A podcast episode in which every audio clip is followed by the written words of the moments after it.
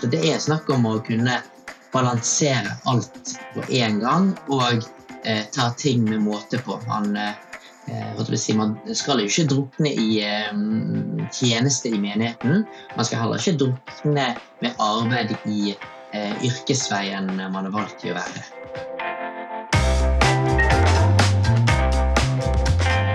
Hvordan kan man balansere en krevende jobb med engasjement i menigheten? Vi ønsker å lage to episoder om det her. De fleste av oss har et sånt livsløp at man studerer, og så skaffer man seg jobb. Og innimellom kan man jo få inntrykk av at jobben er en slags parentes i kristenlivet, og at det livet egentlig handler om, er engasjementet i menigheten. Men eh, realiteten for mange av oss er at vi har en kjempespennende jobb som krever masse av oss. og Jobben vi har nå, er ofte et springbrett til en ny og enda mer spennende jobb. Og mange av oss tenker på jobben når vi har fri. Og for oss som oppriktig ønsker å følge Jesus og være engasjert i menigheten, hvordan dealer vi med spennende og engasjerende jobber?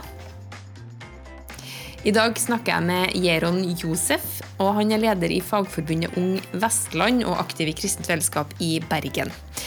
I 2020 så fikk han korona, og han var vant til høyt tempo og måtte roe ned. Og hvordan var det for han? Og hvordan balanserer han et sterkt engasjement for jobben sin med menighetslivet? Det her får vi høre mer om i Sendepod.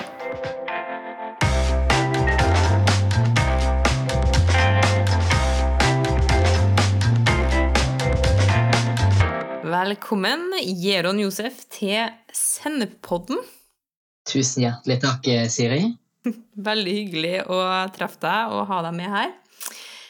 Vi skal jo snakke litt om karriere og menighet og sånn, men først så bare har jeg lyst til å bli litt kjent med deg. Kan ikke du fortelle litt om deg sjøl? Hvem er du, og hvor gammel, og hvor har du vokst opp, og har du studert? Sånne ting. Mange spørsmål. Jeg kan ja. begynne med navnet mitt. Jeron ja. Josef. Josef er etternavnet, og Jeron er fornavnet. 27 eh, år gammel, født og oppvokst i Bergen. Bor på Paradis. Ikke Paradis, men Paradis. Eh, studerer for å bli lektor, men har nå tatt eh, permisjon slik at jeg kan jobbe fulltid i Fagforbundet som ungdomstilsvalgt for da alle medlemmer under 30 år i Fagforbundet. Ok, og Siden vi skal snakke om karriere og jobb i dag, da, så spør jeg hva er Fagforbundet egentlig? Ja, Fagforbundet det er landets eh, største arbeidstakerorganisasjon med nærmere 400 000 medlemmer. Og vi er da også under LO. LO er da en eh, paraplyorganisasjon med 25 andre organisasjoner. Eh, Fagforbundets hovedoppgave det er å sikre medlemmenes ja, lønn og arbeidsvilkår, slik at man kan jobbe trygt i arbeidslivet og ha et anstendig arbeidsliv. Og eh, vi i Fagforbundet vi er da en eh, partiuavhengig organisasjon som stemmer både alltid fra Rødt til eh, Frp. Interessant. Men da Altså, det høres ut som Og du har ansvaret for alle dem som er medlemmer i den organisasjonen under 30 år på Vestlandet? Det stemmer. Det er nærmere 8000 medlemmer. Ja. Um, og det er da alt fra elever, lærlinger, studenter og unge yrkesaktive. Ikke sant. Hvordan, eh, hvordan ser en typisk uke ut for deg Ron, eh, når du har ansvaret for 8000 mennesker? Travel, det er kanskje i hvert fall det første ordet.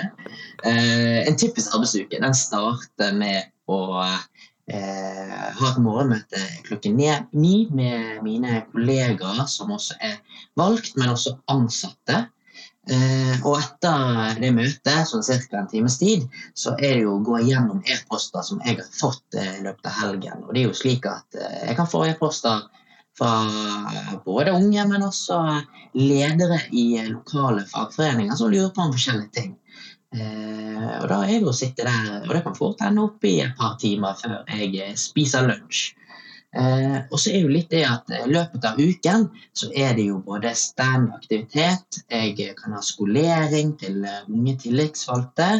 Eh, jeg kan også komme på besøk til eh, skoler, eh, universiteter og andre utdanningsinstitusjoner. Eh, og så er det jo litt det å drive medlemsservice til studenter som enten sender e-post eller har klart å finne nummeret mitt og ringe meg.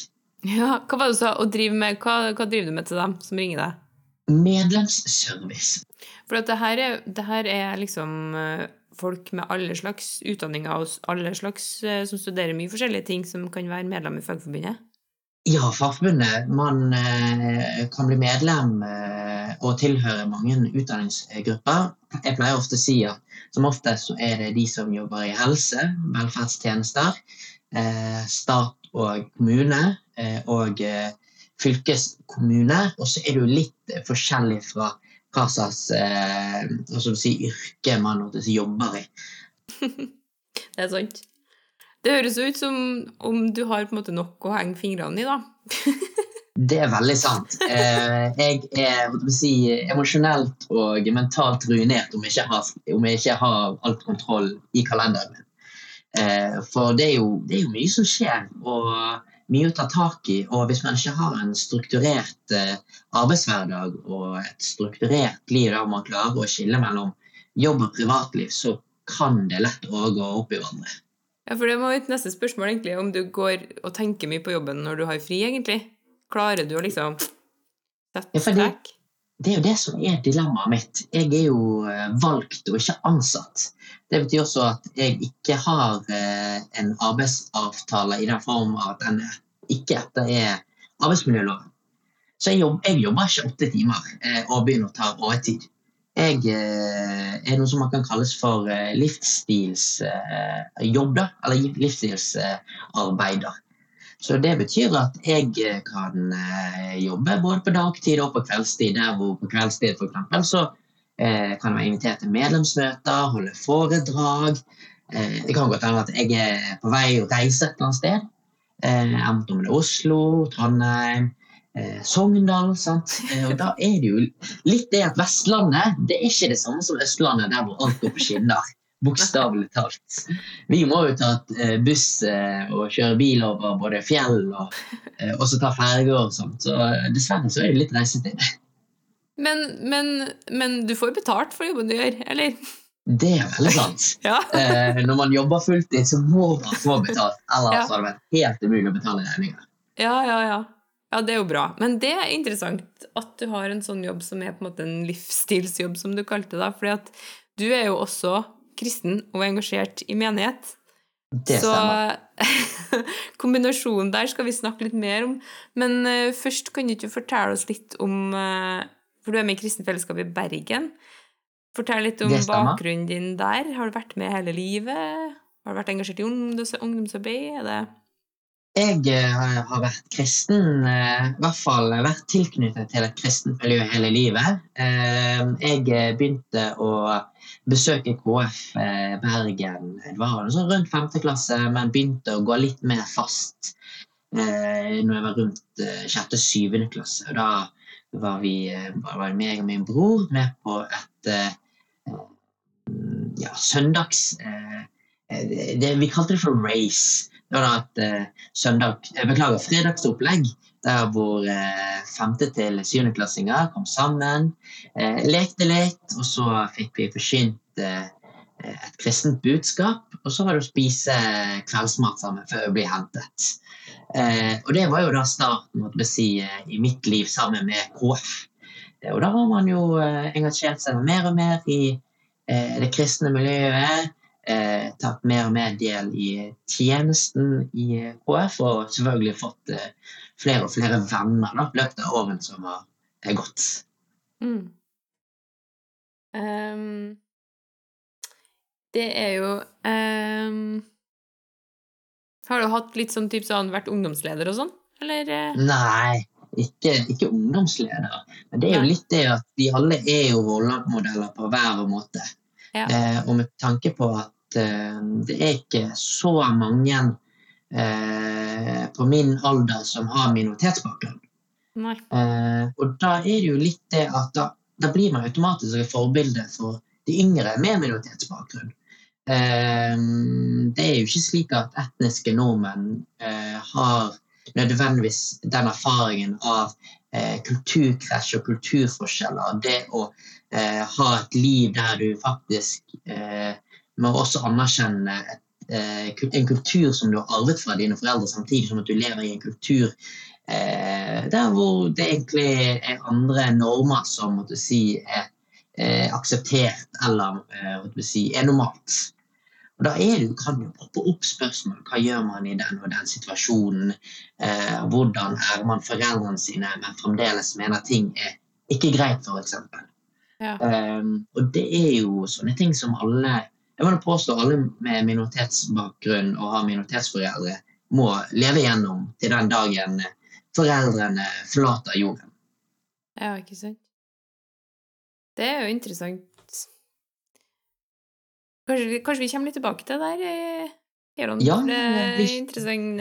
interessant. Men, men først vil jeg bare høre litt om eh, liksom den her balansen. da. Har, eh, når jobben din krever på en måte så mye, og, og du kan jobbe egentlig 24 timer i døgnet hvis du vil, eh, hvordan finner du balansen mellom engasjementet i menigheten og, engasjementet på jobb? Og så er du jo med i KF, og, Kristent Fellesskap de snakker jo mye om å være engasjert og involvert, liksom. Du kan ikke bare være der og henge, og så stikke av igjen. Du kan det, men eh, vi ønsker jo at folk skal være engasjert. Så um, har, du, har du vurdert å begynne i en menighet der man ikke snakker så mye om å være engasjert og involvert? Jeg kan jo tolke spørsmålet litt som at uh, har du lyst til å bytte familie? ja, ja. Eh, sant? Og det er jo for meg eh, som har eh, en veldig dyp forståelse eller dyp eh, oppdragelse i familierelasjoner, så er det slik at du er født i en familie, du lever med den familien tykt og tynt. Og det gjelder da både i relasjon med min menighet, men også for eksempel relasjon til mine foreldre. Mye paralleller man trekker sammen. Ikke nødvendigvis at man alltid klarer å finne tid sammen, men da er det noe med, i hvert fall for min, mitt ståsted, så må jeg alltid planlegge. Eh, og når man tjenestegjør, enten om det er da i lovsangsarbeid eller om med i, i å tolke, så har man jo heldigvis satt opp turnus. Man vet allerede på et halvt års eh, basis eh, hvordan og hvor og når, eh, når man skal tjenestegjøre. Og da er jo planlegge rundt dette her. Og enkelte ting som f.eks. i Bergen så har vi noe som heter studentmiddag. Det er da en gang i måneden der hvor studentene samles sammen. Studenter og unge yrkesaktive, eller unge folk som er unge, da, hvis du kan si det på den måten. Når er man ung, Gjeron? Når slutter man å Nei, så lenge man er ung til sinns, så går det vel fint. um, så er det jo med at eh, man, må, man må klare å eh, planlegge alt til det man ønsker å være med på. Så eh, min, eh, min ideologi eller filosofi er jo at man skal leve et menneskeliv tilknyttet til mine søsken, altså mine søsken i Kristus. Og Det betyr at da må jeg planlegge rundt. Enkelte ganger så må jeg si nei. Andre ganger så må jeg si eh, nei til å f.eks. ikke være med i et altså gjøre en tjeneste den dagen. For eksempel, for da er jeg eventuelt bortreist, eller i et møte som f.eks. varer hele helgen. Så det er snakk om å kunne balansere alt på én gang og eh, ta ting med måte på. Man, eh, eh, si, man skal jo ikke drukne i eh, tjeneste i menigheten. Man skal heller ikke drukne med arbeid i eh, yrkesveien man har valgt i å være. Nei, det der er en vanskelig balansegang, fordi at eh, det krever at man er litt sånn oppmerksom i hverdagen. Og det krever at man har eh, på en måte litt overskudd også til å se hvordan det står nå, liksom. Hva må jeg gjøre for at det skal gå? Mm. Og noen ganger så kan jeg kjenne meg igjen i at i hvert fall jeg har sausa meg inn i et eller annet hverdagsstress som jeg bare må jobbe så hardt for å komme meg ut av, da. For å få det her overblikket, for å se hva jeg må gjøre. Har du kjent på det? Jeg har jo kjent på å grave meg i et eh, Er ikke noe det man sier eh, å grave seg inn i et eh, rabbit hole? At Ja. eh, man graver såpass ned at man eh, sliter med å komme seg ut. Og da blir det jo som oftest drastiske endringer og eh, for å komme seg ut av det og få et overblikk. Eh, heldigvis har ikke jeg gravd meg såpass ned og sagt nei til absolutt alt. Eh, men så er det jo litt det at jeg har jo vært i en situasjon eh, der hvor jeg har vært syk eh, og er syk, og eh, dermed må prioritere. Jeg kan ikke være med på alt. Jeg kan ikke gjøre alt jeg har lyst til å gjøre. Jeg har fysiske begrensninger, eh, og derfor må man eh, ja, si nei. Basically Mm. nei. Eh, det går ikke. Eh, og så ta seg til takke, dessverre, med det. da. Og det er, jo, det er jo en lære som man tar med seg hele livet. Ja. Vi skal, snakke litt, vi skal snakke litt mer om det senere, for du fikk jo covid før vaksina var utvikla. Det stemmer. Ikke sant? Og sliter med long covid fremdeles. Um, og det skal vi snakke mer om, men, men, men hvordan føles det da når, når du på en måte ikke har anledning til å være med på alle husgruppesamlinger eller gudstjenester fordi du må liksom prioritere jobben? Er det noe som du kjenner liksom åh, nederlagsfølelse på, eller har du på en måte Er det en forståelse i menigheten at sånn må det være for deg nå? Det korte svaret for min del er jo at det er sykt. Ja, det må man jo anerkjenne. Samtidig som at det er jo et uh, yrkesvalg jeg har valgt. Uh, der, uh, og det er jo generelt i alle ting i livet. Det er eh, noen ting i livet som vinner fram, og da betyr det at andre ting i livet tapes. Eh, og det er jo full forståelse både av ledere i menigheten, i tjenesteforaene jeg er med i, og blant eh, søsken eh, at eh, jeg har en annen eh, hverdagsliv enn eh, det si, vanlige folk, vanlige arbeidere har som jobber mellom åtte til fire. Ja, ja. Jeg ikke kjenner meg godt igjen, for jeg, jeg jobber jo som frilans skuespiller, så det der det har det jo vært mange kvelder og helger som har De måtte ha spilt forestilling, liksom. Mm. Så um, Og da er det jo litt å leve transparent, sant? Ja. Eh, I begge situasjoner. At man eh, klarer å være tydelig på at eh, dette er jobben min, eh, men jeg, jeg syns det er trist eh, at man si, er ærlig om problemet. For er man eh, uærlig eller ikke er transparent, så kan det også virke som at eh, de som si, ikke møter deg, eller de som man jobber med, føler seg eh, avvist. Ja. Eh, og det kan jo også hemme arbeidet. sant? Hemme arbeidet i at eh, man si, slutter å spørre vedkommende til å fortsette tjenesten, men at man gir et eh, eh, aktiv respons på om eh, når man er utilgjengelig, og når man kan eh, være med. For det tenker jeg jo at eh, det er det som måtte si, fører til et godt eh, arbeidslag sammen. At man klarer å bygge på hverandres eh, Jeg vil ikke si svakheter, men det er jo da at man er borte, at det blir en slags mangel. Mm. Slik at eh, der hvor det mangler folk, da klarer man å fylle inn for vedkommende som mangler. Ja. Tenker jeg er kjempeviktig å liksom tørre å si fra At man ikke får så gæren nederlagsfølelse at man ikke tør å si fra engang. Mm. liksom, for at som regel så har man så gode ledere at lederne vil forstå, liksom, og vil, eh, vil eh, heller fokusere på Men hvor kan du bidra? Og så tar vi det derfra, liksom.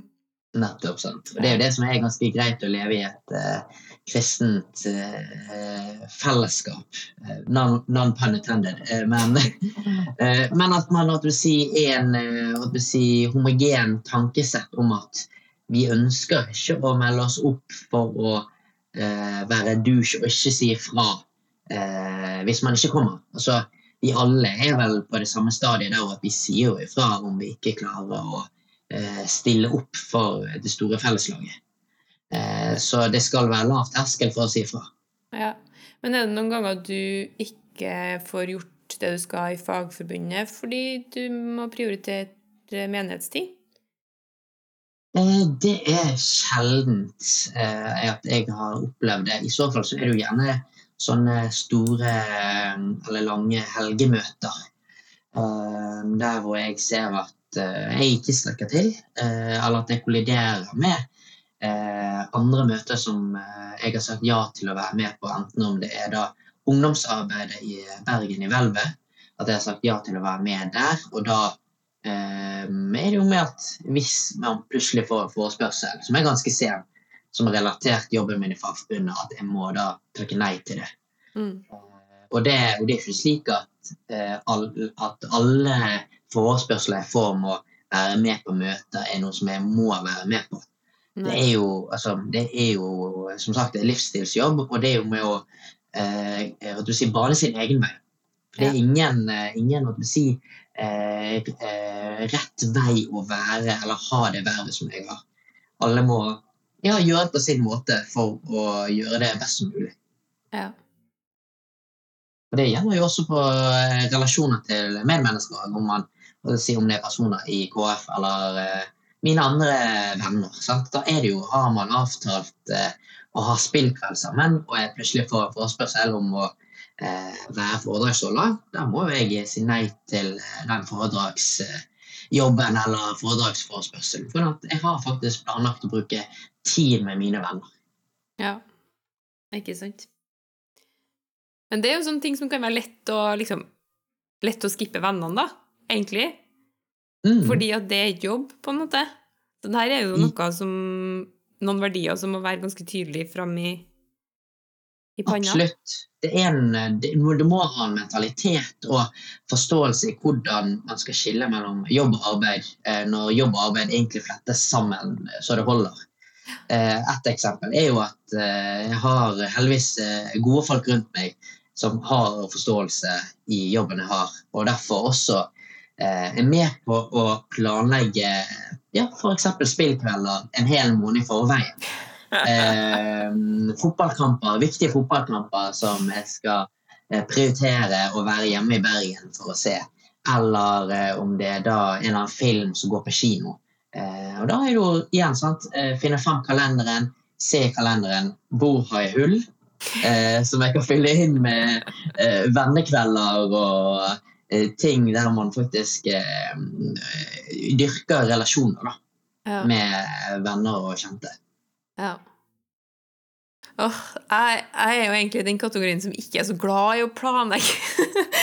Sånn, jeg, vi gjør jo det fordi vi må, liksom, men jeg kan få litt angst av, av liksom at alt skal være liksom Ok, der skal vi kose oss, og her skal vi gjøre det, og der skal vi gjøre det. Men eh, Så jeg vil jo helst at, at sånne koselige ting bare skal skje av seg sjøl, men det gjør jo ikke det. Nei, det jo Så derfor så må man jo bare Jeg er enig, jeg er jo veldig ensidig i at eh, det er de spontane øyeblikkene som kanskje er de beste. Eh, Men hvis man prøver å forholde seg til kun de spontane, spontane mulighetene eller øyeblikkene, så kan det dessverre bli altfor få. Eh, og det er jo der eh, man, eh, man må investere igjen. Sant? Det er jo snakk om å ofre eh, en del av seg sjøl for å bidra inn i en relasjon. Eh, og som jeg også tenker at det, det må man bare gjøre uansett om man er arbeidstaker, eller om det er ektemann, eller husfrue, eller ektefelle, hvis vi skal si på den måten. Eh, kompis, eller man driver tjeneste i menigheten. Mm. Vil du si at ditt engasjement i Fagforbundet er et slags kall? Det vil jeg påstå. Eh, Jeg eh, fikk en profeti da jeg var, var kanskje litt eh, over et år. Da var vi i eh, bryllup til min eh, onkel. Altså, du Eh. var litt over et år, bare? Jeg var litt av et år, ja. Ok. Eh, og da er det slik at eh, Det har jeg kanskje ikke nevnt, men jeg er jo født i en tamilsk kultur. Eh, der mine foreldre er fra Sri. Og da er det slik at eh, min far er jo eldst, eldste gutten eller mannen i hans familie. Og det betyr også at han har eh, en slags eh, Det er kanskje en slags skjellsord, da, men patriarkisk rolle i eh, sin eh, familie. Både i kjernefamilien, men også storfamilie. Mhm. Og ettersom at min eh, fars eh, minste bror skulle gifte seg, så er det jo veldig viktig at far stiller opp. Og da blir det også sånn at min inngifte eh, tante eh, får da min mor som eh, forlover. det betyr jo at begge mine foreldre er jo borte. Sant? De har jo oppgaver i bryllupet Ja. eh, alteret og styret styre på ringer osv. Eh, og en eh, tamilsk seremoni varer ikke 45 minutter. Nei. Den varer langt mer. talen er gjerne en time, og så er det jo vigsler, seremonier osv. Og det betyr jo at jeg satt jo dønn helt alene. Eh, og jeg satt jo bare stilt, stille og så på, mens eh, lillebror derimot eh, gråt litt, så han fikk jo litt mer oppmerksomhet. Han var da et halvt år gammel. da. Eh, men da var det en pastor eh, eh, i den menigheten som min onkel er del av. Da han profeterte over at jeg hadde et kall for å tale på vegne av andre mennesker. At jeg skulle lytte og være stille for å høre på andre, for så å tale på vegne av andre saker. Eh, mine foreldre tolket det som prest da, og ble litt sånn eh, litt smålig redd når jeg begynte på bibelskole. Redd for at de ikke skulle få noe badebarn fra meg og skulle bli prest osv. Evangelisere. Eh, men etter bibelskolen etter at jeg begynte å bli mer og mer eldre, så ble jeg dratt mer og mer inn i politikken. Og mer inn i fagpolitikken. Og det er jo det er kanskje da også mitt kall har blomstret for fullt ut at jeg eh, nå i den situasjonen jeg er i som ungdomstillitsvalgt i Fagforbundet, taler på vegne av eh, ungdommer, eh, både Vestland, men også fra hele Norge. Når det kommer til generelt ungdomsarbeid. Ungdom og student og lærling og unge yrkesaktives interesser. Så kult. Det er jo veldig sånn spot on, egentlig, da. I forhold til den profetien? Ja. Og det er, jo, det er, jo, litt skummelt at, uh, at man klarer å si Og jeg har jo ikke nødvendigvis visst om dette her. Nei. Det er ikke sånn at mine foreldre har gått og sagt om dette her. Ja, du skal gå og snakke for alle, osv. Det er jo mer de har sagt i senere tid om at ja, vi ser uh, nådegavene som Gud har lagt i deg, og at ja, ja, vi må erkjenne at du går den veien. For jeg vet ikke om du vet det, Siri, men det er jo ikke slik at innvandrere, eller spesielt innvandrerforeldre er så happy når de hører at barna deres blir aktive i politikken. Å nei. Og det er jo litt i relasjon med at eh, folk som gjerne har flyktet fra konflikt og krig, har jo assosiasjoner med politikere som enten er korrupte eller har negative assosiasjoner. Ja, eh, så, og der, det, det knytter, jo, knytter, seg jo igjen i, i livet, selv om man har kommet seg vekk fra et korrupt samfunn eller et samfunn som man føler seg diskriminert eller eh, trakassert av. Eh, og derfor eh, er det jo generelt, eh, vil jeg påstå, da, fra personer som kommer inn i eh, det norske miljøet fra en annen kulturell forståelse, at eh, man gjerne holder seg litt i distanse når det kommer til politikere. Mm. Ja. Mm. Men du gikk altså inn på en måte i fagpolitikk og, det stemmer. Og engasjerte deg der. Mm, ja. Det begynte jo ifra at uh, jeg uh, tidligere så jobbet jeg i uh, Helse Bergen, på Sterilsentralen. Det var deltidsarbeid der hvor jeg sterilt, steriliserte operasjonsutstyr. og da fikk jo folk nyss eh, om at jeg var interessert i Oi! Fikk nyss om at eh, jeg var interessert i politikk. Eh, og da holdt vi si, hooket tak inn hooket tak i meg, da, og så fikk meg inn i styret til Fagforbundet Helse Bergen. Ja. Og så det har gått i gradene eh, til der hvor jeg er i dag, i Vestland. Ja. Tar du med deg liksom Hvordan tar du med deg Gud inn på jobben? Det er jo det å leve et uh, transparent liv. Uh, å leve et liv der hvor man er åpen og ærlig og si at uh, på søndager så går jeg i kirke, f.eks. Det er ved å bare introdusere seg sjøl. hobbyer, f.eks. Når man blir spurt om det, så sier vi alltid ja, jeg spiller, spiller gitar fra tid til annen så kommer jo gjerne folk og spør ja, hva, hva slags musikk spiller du, og hva spiller du? Så er det jo det å eh, snikevangelisere eh, livsstilen som kristen eh, ved å si at ja, jeg spiller i et eh, lovsangsband. Jeg spiller i kirken i den menigheten jeg går i. Og da eh, er det jo ikke nødvendigvis slik at jeg begynner å snakke om Jesus og verket han gjorde på korset, og alt det der, men at man eh, viser til eh, en, eh, et liv der hvor man lever sammen med Jesus, men også med andre kristne. Mm. Andre søsken. Eh, At det da blir min måte å evangelisere på. Eh, For jeg, jeg tror veldig på at det å si, fortelle folk om Jesus, det må også ha en bunnrot eller en grasrot i ditt eget liv. Eh, veldig interessant det Gandhi sier, for Gandhi sier at eh, alt det som det står i Bibelen, det kunne han faktisk ha trodd på, men han valgte jo ikke å tro på det pga. at eh, britene Han så ikke britene gjøre det. Nei, sant. Mm. Og det er er derfor han forholdt seg til hinduismen. Eh, og det tenker jeg òg kan eh, spilles inn til dagens eh, liv. Eh, skal man si, evangelisere eller eh, vise til et kristent eh, budskap, så må man også leve det budskapet i livene sine. Mm. Man må kunne se forskjeller mellom det å være en eh, hvordan skal jeg si en ordinær person, en ikke-troende person eller ikke-kristen person, Ja. eh, til en som er kristen. ja. Og det er jo gjerne da å ta valgene. sant? Ikke eh, drikke seg full på vin. Ikke eh, gjøre ting som hva å si, ville da motsi sin egen tro. Eh, en eh, hva skal si, eh, dessverre en normal ting å gjøre, er jo kanskje å banne.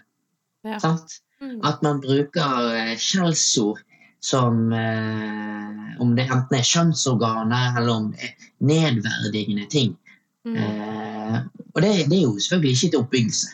Sant? Og da er jo, som vi kristne, vi skal jo ikke eh, benytte av oss skjellsord eh, i det hele tatt, egentlig. Mm. Sant? At det ikke er til oppbyggelse. Da kan man jo eh, gjerne det, altså Sånne ting blir lagt merke til. Sant? Da folk spør ja, men du, det er sånne ting som du ikke gjør. Hvorfor gjør du ikke det? Sant? Er det en grunn? Eh, og eh, det som er litt morsomt, er jo at mange spør ja, er du, Jeroen, er du, er du muslim, er du hindu. Ja, ja. Eh, fordi det er jo, det er jo, altså det er jo ikke til å grave under stolen. det er jo flere eh, åpne muslimer og hinduer og buddhister og eh, andre religioner som er mer åpne i fagbevegelsen enn kristne. ja. Det er jo interessant. Ja, sant? Og tross på at det finnes kristne som er organisert i, i LO, eh, så er man ikke nødvendigvis sånn superåpen om det. Nei. Jeg har begynt å tenke mer og mer sånn Det er så sjelden folk møter kristne folk, så når de møter meg, så er jeg sikkert bare spennende. har jeg begynt å tenke.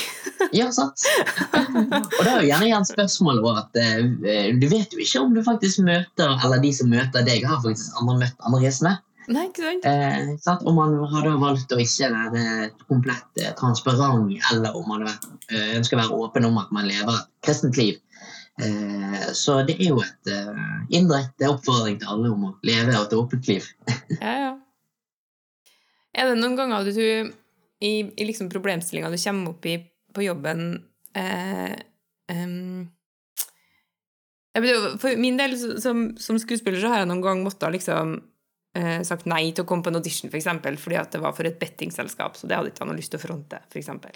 Er det noen, er det noen sånne ting som du liksom ikke gjør, eller, eller um, om du på en måte eh, tar premissene, og så sier du at ok, hvis jeg skal gjøre det her, så må det være sånn og sånn, på, på et vis?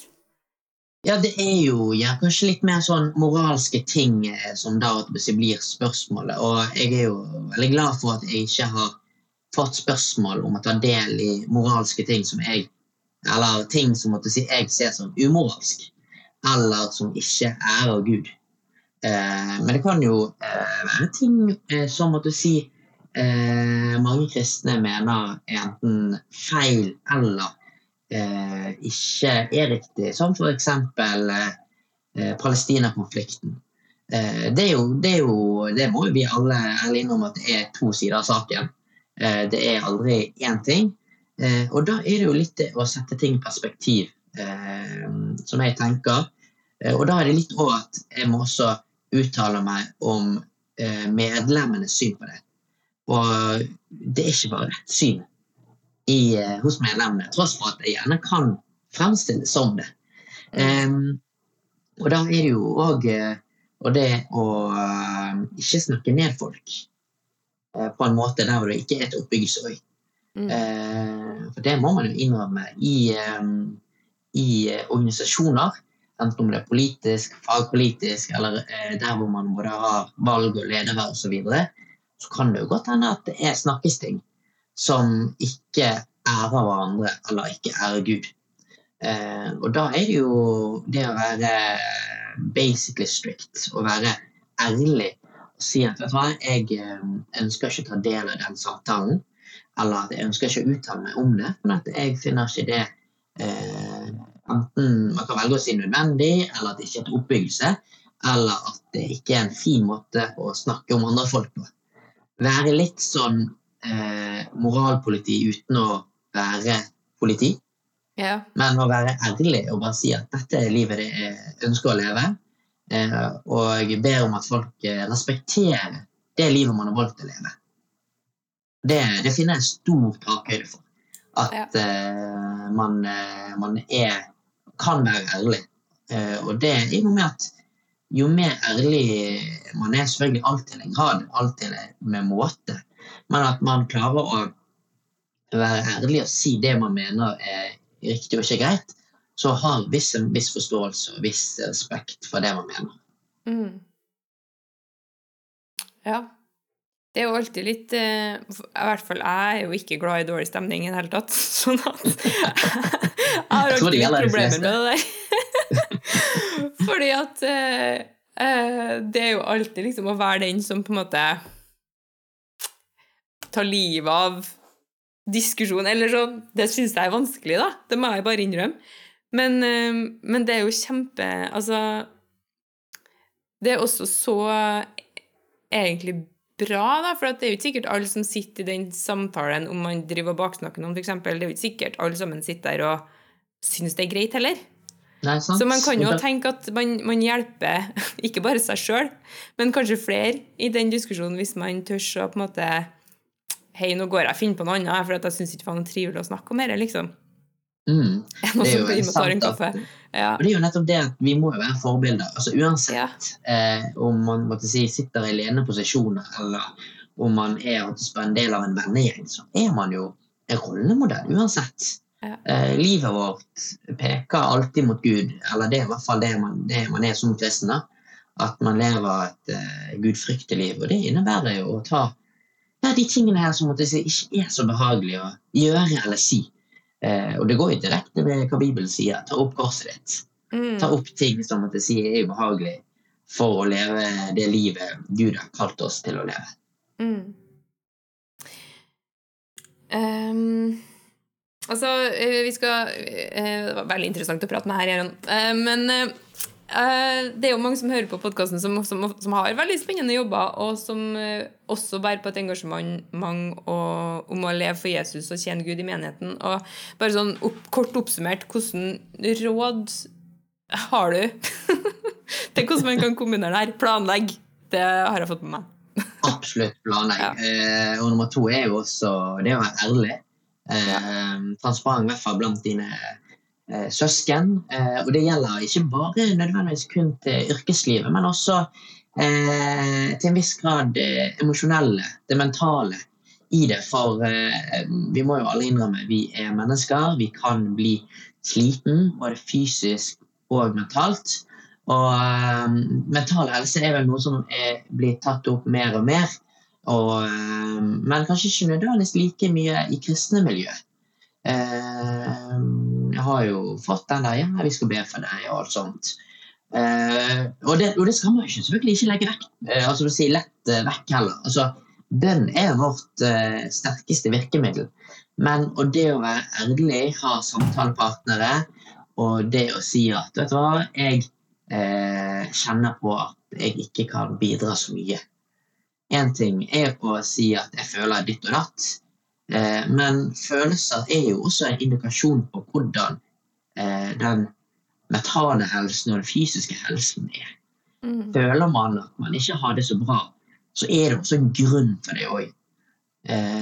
Så det er jo litt eh, kanskje et eh, veldig godt eh, eksempel, eller tips da, til oss menn. Det er jo search your feelings. Ja. Eh, Kjenn eh, hvor man er på eh, spekteret daglig, egentlig. For å så eh, ta del i eh, enten om det er tjeneste i, eh, i menighet, eh, være med venner, eh, eller i, si, på fotballaget til sønnen eller datteren sin. for det er jo ikke bare bare å henge på alle ting som man har sagt ja til. så kjenn på det. Så er det tre ting som egentlig kjennes på. Det er sjekke kalenderen, det er sjekke med venner og sjekke med Eh, deg sjøl, først og fremst. Ja. Fordi hvis du ikke har noe å gi, hvordan kan du gi til andre folk da? Det er et veldig godt poeng. Og apropos ikke å ha noe å gi. Du har jo vært sjuk. Huff a meg. Eh, dårlig overgang. Men vi tar den da. Eh, fordi du fikk jo covid før det var vaksine, og har slitt med ettervirkninger til dags dato, egentlig.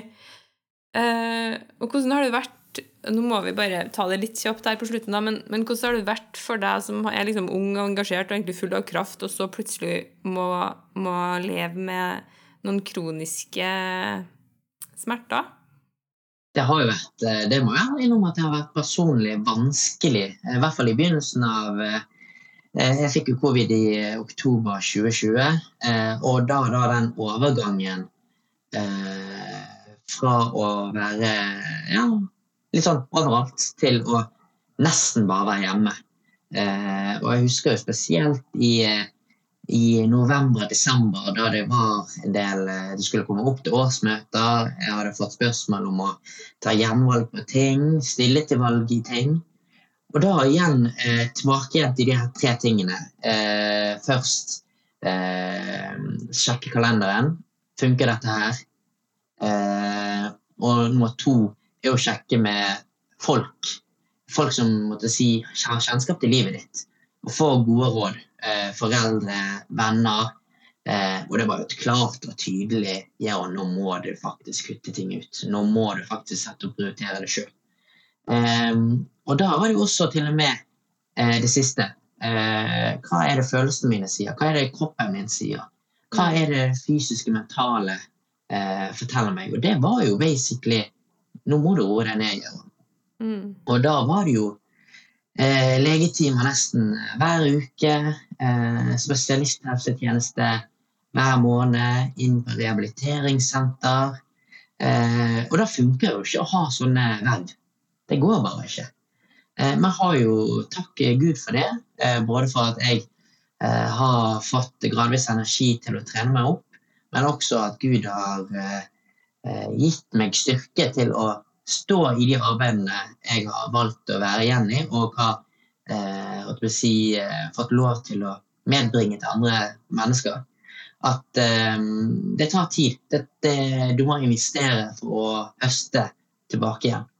Um, så da er det jo litt det at nå sitter jeg igjen med eh, Jeg sitter fortsatt igjen med smerter. Eh, jeg kan gjerne gå en eh, tur, så føles det ut som at jeg har jogget en tur eller løpt en tur.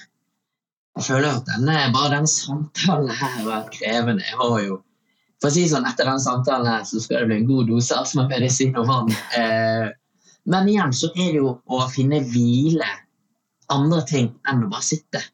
Ja. Eh, og hvile i enten å sitte og lese, hvile i å eh, jobbe med andre ting. Hvile i med å kanskje gå en liten tur ut eh, slappe av eh, hodet, det mentale, tross for at både hodet og kroppen eh, vil egentlig eh, sitte på sofaen. Ja. Og det, det, hjelper jo ingen. Det hjelper Nei. ingen å bare eh, Du leges ikke ved å sitte stille eller ligge stille. Um, og da er det jo igjen mentalitet. Ha en eh, forståelse av at eh, man må velge å vrake.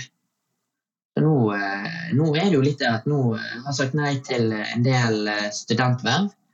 Litt åpen at jeg så å si nesten ikke er student lenger. Men så er det òg at man må også finne Det er også en filosofi jeg har. Alltid finne folk som kan ta over deg. Ja. Og det passet jo perfekt. Jeg hadde jo funnet folk i 2020, begynnelsen av 2020, og da var det jo å sende av disse her vervene mine med god samvittighet. Ja. Hvordan Har det påvirka sjølbildet ditt noen ting? Og liksom plutselig ikke få til alt du har fått til før? Eh, påvirkelse i den kraft av at jeg har blitt utfordret av selvbildet mitt. Det er jo ikke noe digg å være syk. Det er ikke noe herlig å si nei til fjellturer, løpeturer. Tro det er jeg, jeg står faktisk på ski. Eh, å si nei til skiturer eh, eller spille fotball for den seg sjøl, Det er ufattelig. Å bare sitte eventuelt og se på mens andre løper og spiller, det er ikke noe komfortabelt eller bra for eh, hodet. Eh, men igjen så er det noe med at min identitet ikke i min egen eh, kraft eller min egen fysiske kropp. Min identitet er Kristus. Eh, og jeg vet at eh, Kristus han døde for meg. Det, det høres jo veldig fjernt ut hva det betyr å dø for meg, men det betyr jo at jeg kan også legge på eh, mine bekymringer på han. At jeg ikke eh, har disse følelsene med meg sjøl og litt med vennene mine osv., men at jeg 100% kan overgi mine tanker, mine følelser, min frustrasjon og min glede for den seg sjøl òg til Jesus. Mm. At jeg lever i en, eh, eh, altså i en relasjon til han. Mm. Der hvor han en del av meg og en del i han. Mm. Eh, så hadde ikke jeg hatt Jesus, så hadde jo selvfølgelig min ferd gjennom min sykdom vært mye, mye tøffere. Ja. Og det ser jeg òg gjennom eh, andre personer som også er i samme situasjon som meg. Eh, benytter seg av psykologhjelp, benytter seg av antidepressive. Jeg takker Gud for at jeg har sluppet antidepressive, og eh, det nærmeste jeg har kommet til psykolog, er når jeg har vært eh, på rehabiliteringssenter. Sant? Bare, Mm. bare for å dobbeltsjekke hvordan er min mentale helse. Eh, men man behøver ikke strekke det såpass langt som eh, sykdom for å sjekke mentale helse. Én ting er å skrive dagbok. Det Ja. det som, som jeg har gjort. Eh, Og da ble jeg tipset om en dagbok som eh, stiller meg spørsmål hver eneste dag. Tre spørsmål, forskjellige spørsmål hver eneste dag som jeg eh, skriver og besvarer. Som hjelper eh, meg i å reflektere over hvordan dagen min har vært, eh, hva jeg gleder meg til, og hva jeg er takknemlig for. Eh, og det er noe, noe å eh, sette i perspektiv for det man har fått og har, og det man si, eh, venter i framtid. Ja. For eh, man skal ikke ta for gitt at man har venner. Det er jo mange som sitter i ensomhet, i isolasjon. Eh, og det er mange som eh, ikke har så mye å se fram til. Enten om det da er eh, i en sykdomsfase, eller om de lever i en viss type sorg. Mm. Det er ufattelig viktig, uansett om man føler seg frisk eller ei, til å reflektere rundt om livet sitt eh, fra ny og ne. Ja. Og bare så det er sagt, så er det ikke noen nedtur å gå til psykolog, alle som hører på. Det er veldig, veldig lurt innimellom. Jeg vil nå egentlig anbefale, faktisk. Ja. Altså, Vurderer du psykolog, så er det jo en grunn for at man vurderer. Mm. Eh, og det er absolutt eh, lavterskel å ta eh, hva si, kontakt til psykolog. Og det er jo noe med også å snakke med fastlegen om det. Mm. Eh, og jeg har hatt eh, mange samtaler med fastlegen min der fastlegen egentlig har vært litt mer pushy på å oppsøke psykolog. For jeg har, jo både sett andre pasienter, eh, både for han, sine pasienter, men også andre kollegaer som også forteller om sine pasienter. om eh, personer med long covid, og studier har jo også vist at personer med long, long covid har hatt eh, redusert eh, mental helse. Ja. Eh, så absolutt gjenta det igjen. Tenker man å, at man har behov for psykologhjelp, så ta imot eller oppsøk psykologhjelp. Eh, for det er, for å si det sånn, det er bedre å eh, ta imot hjelpen enn å ikke ta imot hjelpen og grave seg enda lenger ned. Det er veldig sant. Du, tusen takk, Jeron. Jeg tror vi avslutter der, jeg. Det her Ja, har vært for- en eh, Ja, Takk for at jeg kunne være med og komme. Ja, veldig fint. Det er så fint å høre eh, dine refleksjoner rundt liksom, hvordan man kombinerer karriere og menighetsliv, og hvordan det er Du nevnte nesten ordet symbiotisk her i stad, men hvordan man liksom Man må ta med seg seg sjøl. Man er jo seg sjøl, og i seg sjøl så har man jo også med seg Jesus, så da er man jo med hele tida, hele veien, uansett hvor man er. Så tørs å liksom leve kristenlivet, da, som du sier. Åpent. For det er jo litt gjerne det at man, si, man lever jo ikke for seg sjøl lenger. Man lever måtte si, en eh, stor klump. Det skal si det på den måten. Ja. ja. Nei, tusen takk for at du var med i Sendepodden. Takk for at du hørte på Sendepodden. Mer spennende stoff finner du på sennep.net, og du kan også følge oss på Facebook og Instagram. Sendepodden finnes i den podkastappen du bruker, og hør gjerne også på våre to andre podkaster, Alvorspraten og Bibelkvarteret. Sendepodden alt annet enn overfladisk.